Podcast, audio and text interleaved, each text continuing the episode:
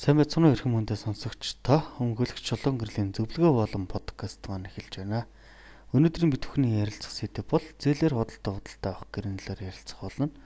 20 төгрөг сэдвүүдээр зээлийн гэрээ болон худалдаа худалдаа авах гэрээний онцлог зохицуултуудын талаар бол ярилцсан. За өнөөдрийн сэдвийн онцлог нь бол юу гэхээр эдгээр харилцаануудаас өөр төрлийн бас э, иргэдийн мөр тэр дундаа бас байгууллагуудын донд хийгддэг бас нилээдгүй төгөөмөл хэрэглэгддэг гэрээний төрөл байгаа. За иргэний хуулийн 262 дугаар зөвлөлд зээлэр хөдөлтөө худалдаа авах гэрээний талаар бол зохицуулт орсон байдаг. За энэ 262-ийн нэгт зааснаар зээлэр худалдаа худалдан авах гэрээгээр худалдагч нь худалдаа авахчийн үнийг төлөхөөс өмнө за эд хөрөнгийг шилжүүлэх. Худалдаа авахч нь үнийг гэрээнд заасны дагуу тодорхой цаг хугацааны дараа хэсэгчлэн буюу бүрэн за эсвэл тодорхой цаг хугацааны дараа төлөх. За эсвэл тодорхой цаг хугацааны туршид хэсэгчлэн төлөх үүргийг тус тус хүлээж идэх. Ийм онцлог төрлийн гэрээ байгаа. За энгийн жишээ бол юу гэхээр бид хүн одоо дэлгүүрээс ч юм уу эсвэл таньдаг хүнээсээ утас судалдаж авахар болоод тэр үнэн бүтэн мөнгө нь байхгүй байгаа гэдэг бүрэн мөнгө нь авахгүй байгаа гэдэг эсвэл тодорхой цаг хугацааны дараа бүтэн мөнгө нь бүрдэх гээд байгаа бол за би энэ чинь авчи. А одоор авчи. Гэхдээ би мөнгөнд тэдийд үгүй гэж тодорхой хугацаа тохирч байгаа. За эсвэл тодорхой урьдчилгаа нөгөө хугацаа хөдөлж авахдаа тодорхой урьдчилгаа төлбөр төлөөд үлдэгдэл мөнгөө тодорхой цаг хугацааны туршид за магадгүй сардаа тэдэн төгрөг ч юм уу тий сар болгон тэдэн төгрөг төлөхөөр төлөөд 5 сарын дараа 6 сарын дараа төлбөр дуусгахыг гэдэг ийм байлэр хэсэгчлэн төлөх ингээд өөргөө тус тус ингээд тохиролцоод тэр уцаа худалдаж авч байгаа. Энэ үйл явцыг бол одоо зээлэр худалдаа худалдаа авах гэрний тодорхой бас энгийн жишээ гэж ойлгочлохоор байна.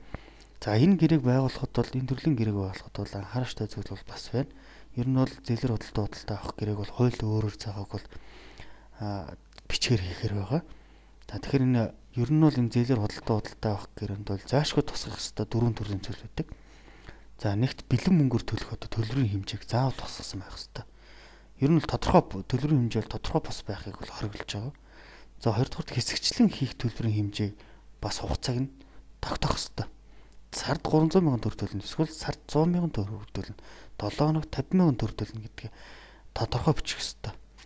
Тэдэн сарын дараа тэдэн төгрөг төгөлнө гэдэг нь өөрөө бас тодорхой бас хэмжээ заачаар энэ гэрээний үнцэн агуулгаас зөрчилдөд эхэлждэг. За гуравт бол төлбөл зохих хүүгийн хэмжээ. За хүү бол тохиролцож болно тийм хүү хүүгийн хэмжээг бол одоо тухайн сардаа 300 мянган төгрөг төлөх ёстой байвал хүү тухайн сарда тэтэн хувь байна. 1% юм уу, 2% юм уу, 3% юм уу гэд талууд хоорондоо тохиролцож хүүгийн хэмжээг тохирч байгаа. За дөрөвт мэдээж ирвэл үндсэн үн болон эсвэл түүнийг тодорхойлох журмын талаар бол тодорхой тусгаж өгсөн байхыг бол шаарддаг.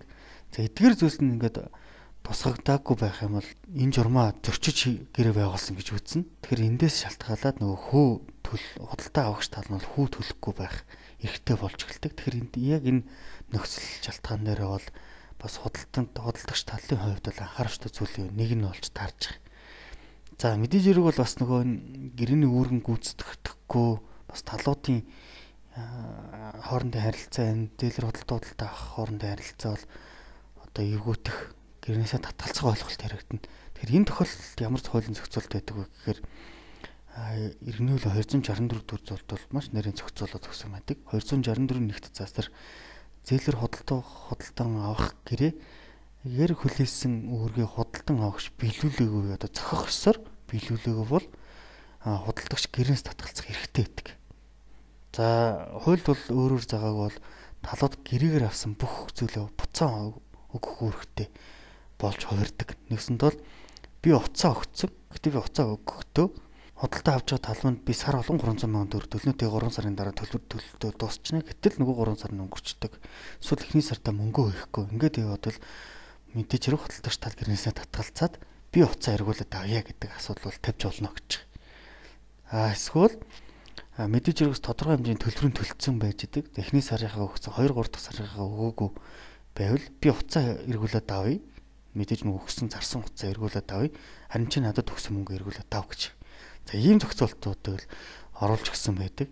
Тэр дийлэнхтэй бол ер нь ер нь зээлэр худалдаа худалдаа авах гэрээг бол иргэд хоорондоо харин голчлон хийдэг. Мөн дээрс нь компани хоорондоо бас ихээхэн хэмжээний одоо хөдлөх хэд хөрөнгө шилжүүлэх тохиолдолтой зээлэр худалдаа авах гэрээ хийждэг. За иймэрхүү онцлог төрлийн гэрээ байна. За зээлэр худалдаа худалдаа авах гэрээ болон түүнтэй холбоотой хор заавар зөвлөгөө авах, хуульцан зөвлөгөө авах харвал доорх линк болон холбоо орох утасны дугаараар холбогдож зөвлөгөө авч болно. Анхаарал тавьсан та бүхэнд баярлалаа.